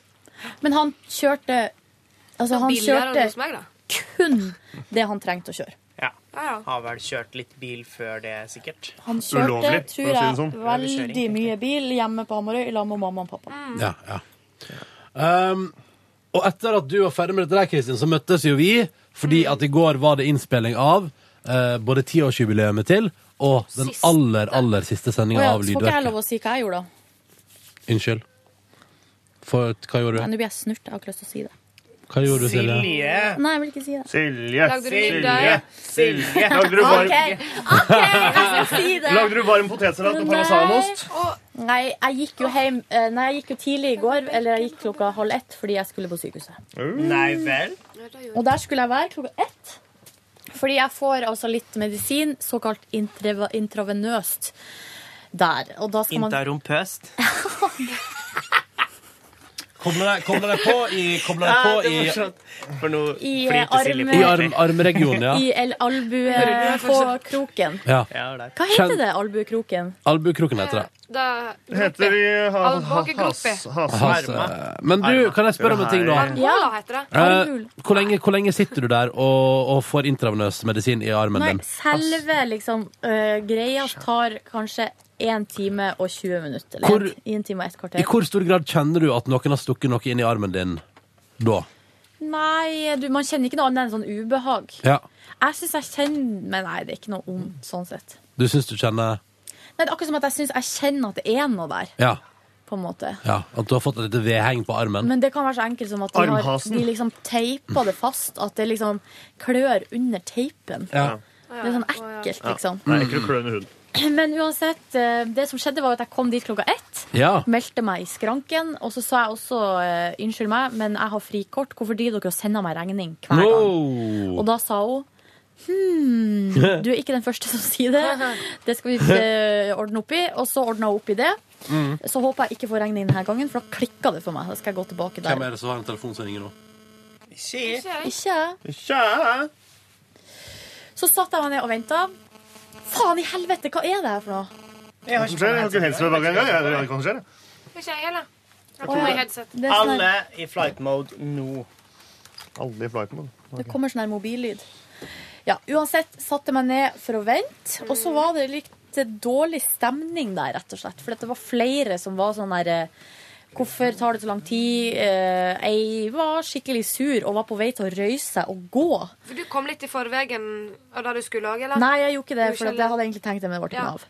Uh, og så, eh, så da tenkte jeg at jeg bare skulle holde en litt sånn lav profil. Jeg så at alle sykepleierne der var skikkelig stressa. Hadde ikke lyst til å legge noe press på dem. Og så eh, gikk det vel en halvtime. Så gikk det tre kvarter. Nei. Og så gikk det en time. Nei. Og da eh, til slutt Og da etter hvert så skjønte jeg på en måte at de som satt og venta, og de som var sur, de satt egentlig og venta på legen. Men jeg satt jo ikke og venta på legen. Jeg skulle jo bare ha de sykepleierne til å koble meg på det opplegget. Så da gikk jeg og spurte sånn Hallo, unnskyld meg, men eh, det her eh, Hva er det jeg venter på, egentlig? For jeg så jo at de ikke Ja. gjorde noe spesielt. Eller sånn, De var jo opptatt med, med ting, men de kunne jo ha kobla meg på likevel. Enig. Og da sa hun dama Hva heter du? Og så sa jeg Silje Nordnes. Spør om det etter en time. eh, sa hun Å nei! Hvor lenge har du vært der? Så sa jeg en time. Å nei! Og da hadde det vært kommunikasjonssvikt mellom skranken og de sykepleierne. Så da, eh, men da sa de bare 'å, beklager, beklager', og så sa de neste gang hvis du sitter her mer enn ti minutter og venter, så må du si fra. Ja, ja. Så var jeg sånn OK. Det var noe veldig tålmodig av deg, Jeg tar med meg det videre. Ja, men um, jeg prøver å ha litt sånn godvilje når jeg er på sånne plasser, fordi jeg vet at de som jobber der, de har, syns at det der er ekkelt. Ja, jeg skjønner For det er jo ikke noe, de gjør det jo ikke med vilje eller sånn. Og Jeg tror de har sykt mye å gjøre på den der Mm. gastroavdelinga. Alle har problemer med magen nå for tida. Har dere merka det? Nei. Jeg har ikke vært på gastroavdelinga på Ja, men det er mye snakk om glutenallergi, og Jo, alle ja, har ulcerøs kolitt og og det eneste, ja. Crohns, og alle har liksom magesjuka for tida. Tror ikke på det. Nei. Si han som har alle sjukdommene i hele verden. Tror ikke på det heller. Nei, Du er ikke allergisk mot mobilstråler, sånn som Gro Harlem Brundtland? Jo, det lurer jeg faktisk på om jeg kanskje er. Tror du det? Jeg lurer på det. Men eh, jeg kommer aldri til å finne ut av det. Du får flytte Gro ut i Harlem. skogen. Brundtland. Du, det er ni varmegrader ute. Sur dame. Nei, hun er ikke sur. Hun er bare litt streng. Hun har blitt litt sur. Ja. Hun var streng. Hun har blitt litt sur, syns jeg. Nei da. Har du snakka med henne i det siste? Ja, ja, ja. Dette har jeg ikke uttalt meg om. For det, var, tror det er ikke ingen det. forutsetning for å uttale meg om. Landsmoderen. Ja, det kan Nei, nå det. føler jeg at hun har blitt sånn landsgrandtanta. Landsbestemora. Kommer innom og kjefter litt.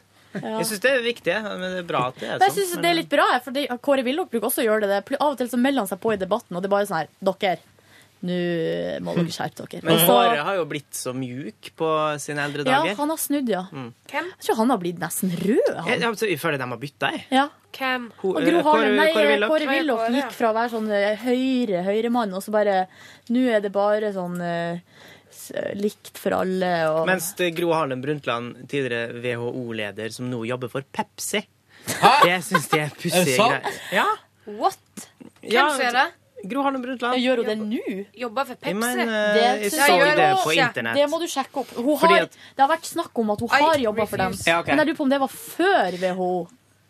Mm, jeg mener at jeg sjekka Altså, det her er jo selvfølgelig veldig vagt, Sjekka du, Kristin? Ja, Men er- jeg- jeg, sjekka det en gang. Vi var i en lignende diskusjon med noen andre. Oh. Og så sa jeg jo Ja, det Pepsi, og så var folk googlet bare sånn Nei, nei, nei, nei ikke Gro. 2007. Ikke Gro, sier jeg. Og så sa jeg jo, jo, jo.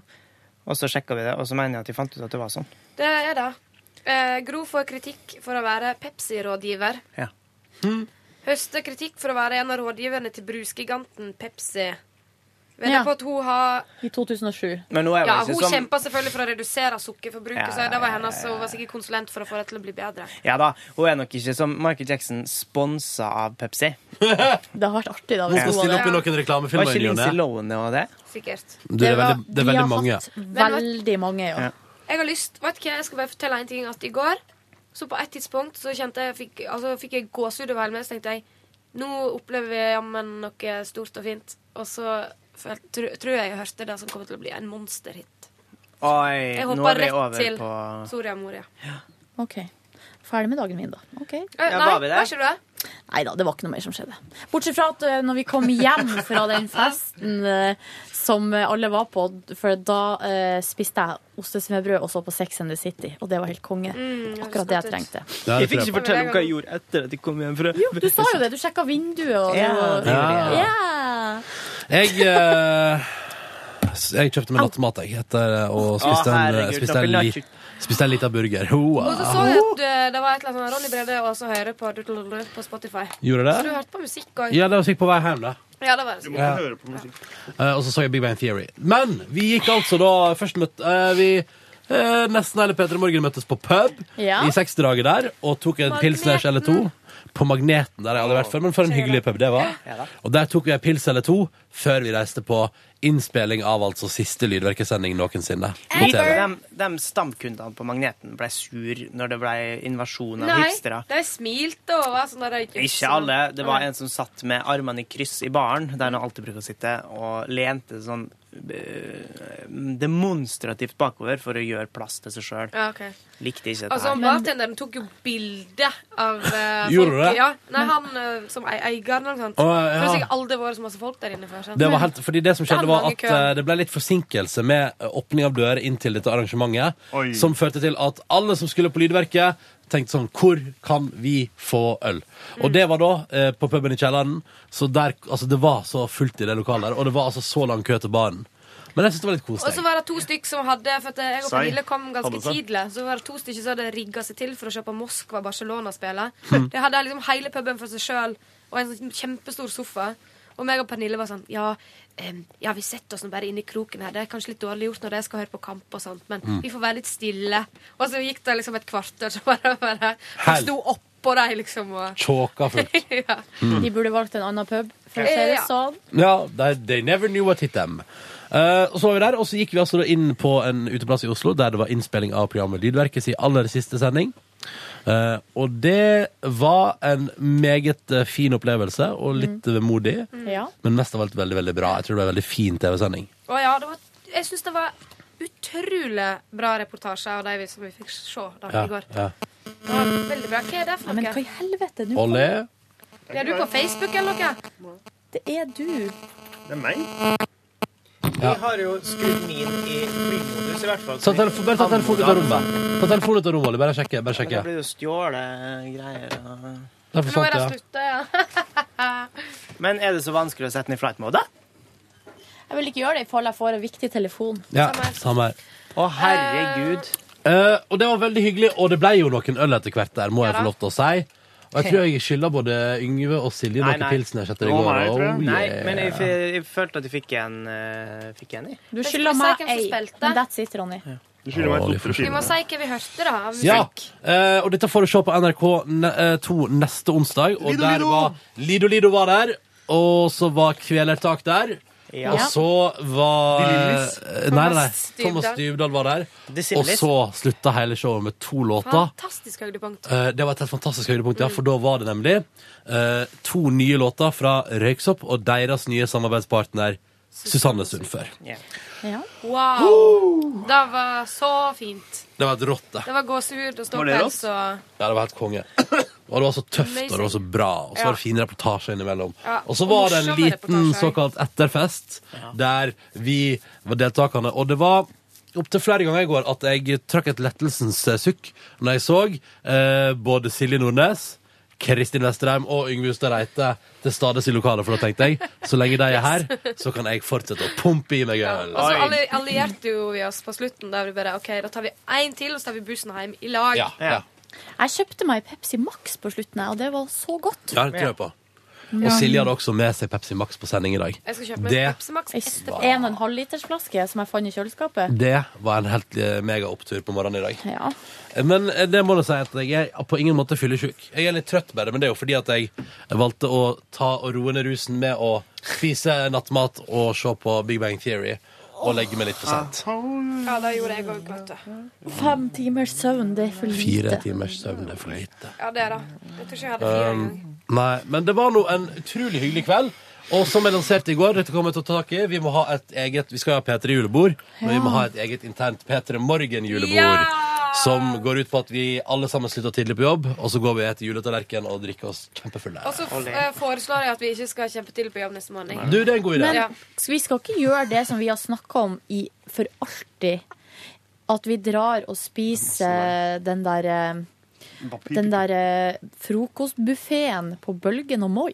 Oi! Det er greit for meg, for å si det sånn. De har jo en egen julefrokostbuffé Å, i hele herregud. desember.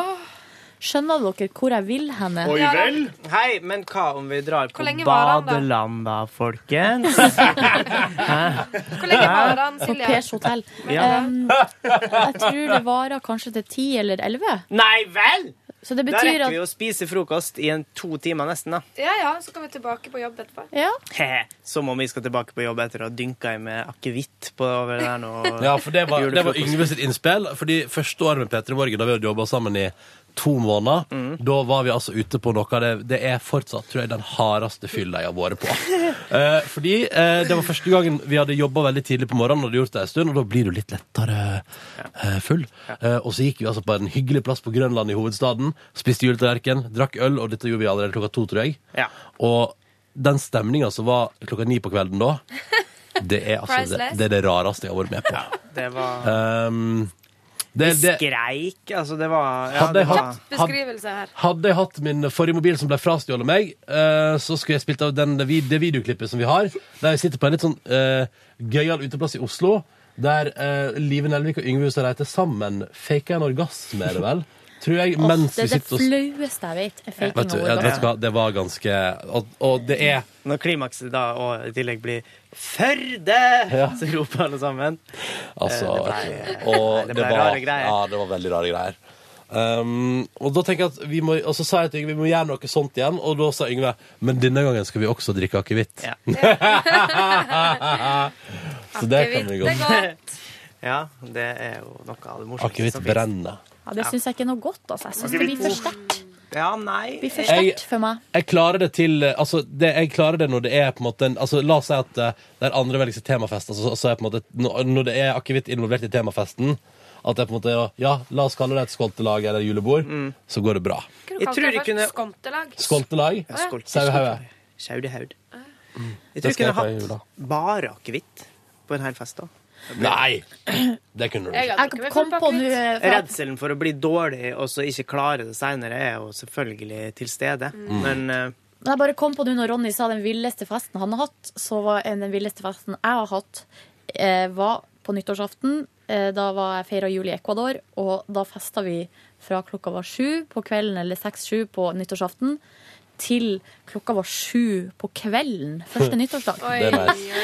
Og da, da var det kun whisky det gikk i. Ja. Oi. Viktig med koka Oi, så- kokain også, da, nei, selvfølgelig, for å Nei, holde er Silje du gående. gal? At du klarer det er da du var på fest med den der rare amerikaneren du snakka om i går. Nei, det var i Costa Rica. Ok. Ja. Men i alle fall så skal vi få til Jeg skal begynne å jobbe nå for å orge å finne en eller annen ledig dag i desember der vi kan sove lenge dagen etterpå og gå ut, og alle har tid og mulighet til å være med. Det hadde vært fint. Det skal nå bli vanskelig, men vi skal få det til. Ja. We're gonna make it happen. Men skal vi ta oss en matbit etter hvert. Du, jeg, jeg er så sulten at jeg holder på å dø. sulten. Ja, jeg òg. Tenk om, men det har, nå, nå kommer vi rett inn i det der Og det irriterer meg. Denne kantina, vet du. Nå kommer vi i det vakuumet mellom frokost og lunsj. Der det er, og hvis vi er skikkelig uheldige, så er det ingenting der. Hei, men hvis vi er raske, så får vi i hvert fall eh, kanskje litt frokost. Og karbonade. Mm. Jeg vet at det ikke er Jeg skulle jo ønske at det var røst i torsdag. Men det er røst i torsdag i morgen. Kom igjen, da. Kom igjen, folkens. La oss gå og spise. Ja, Takk for at du hørte på podkasten vår, og lykke til videre! Vi snakkes i morgen. Hei!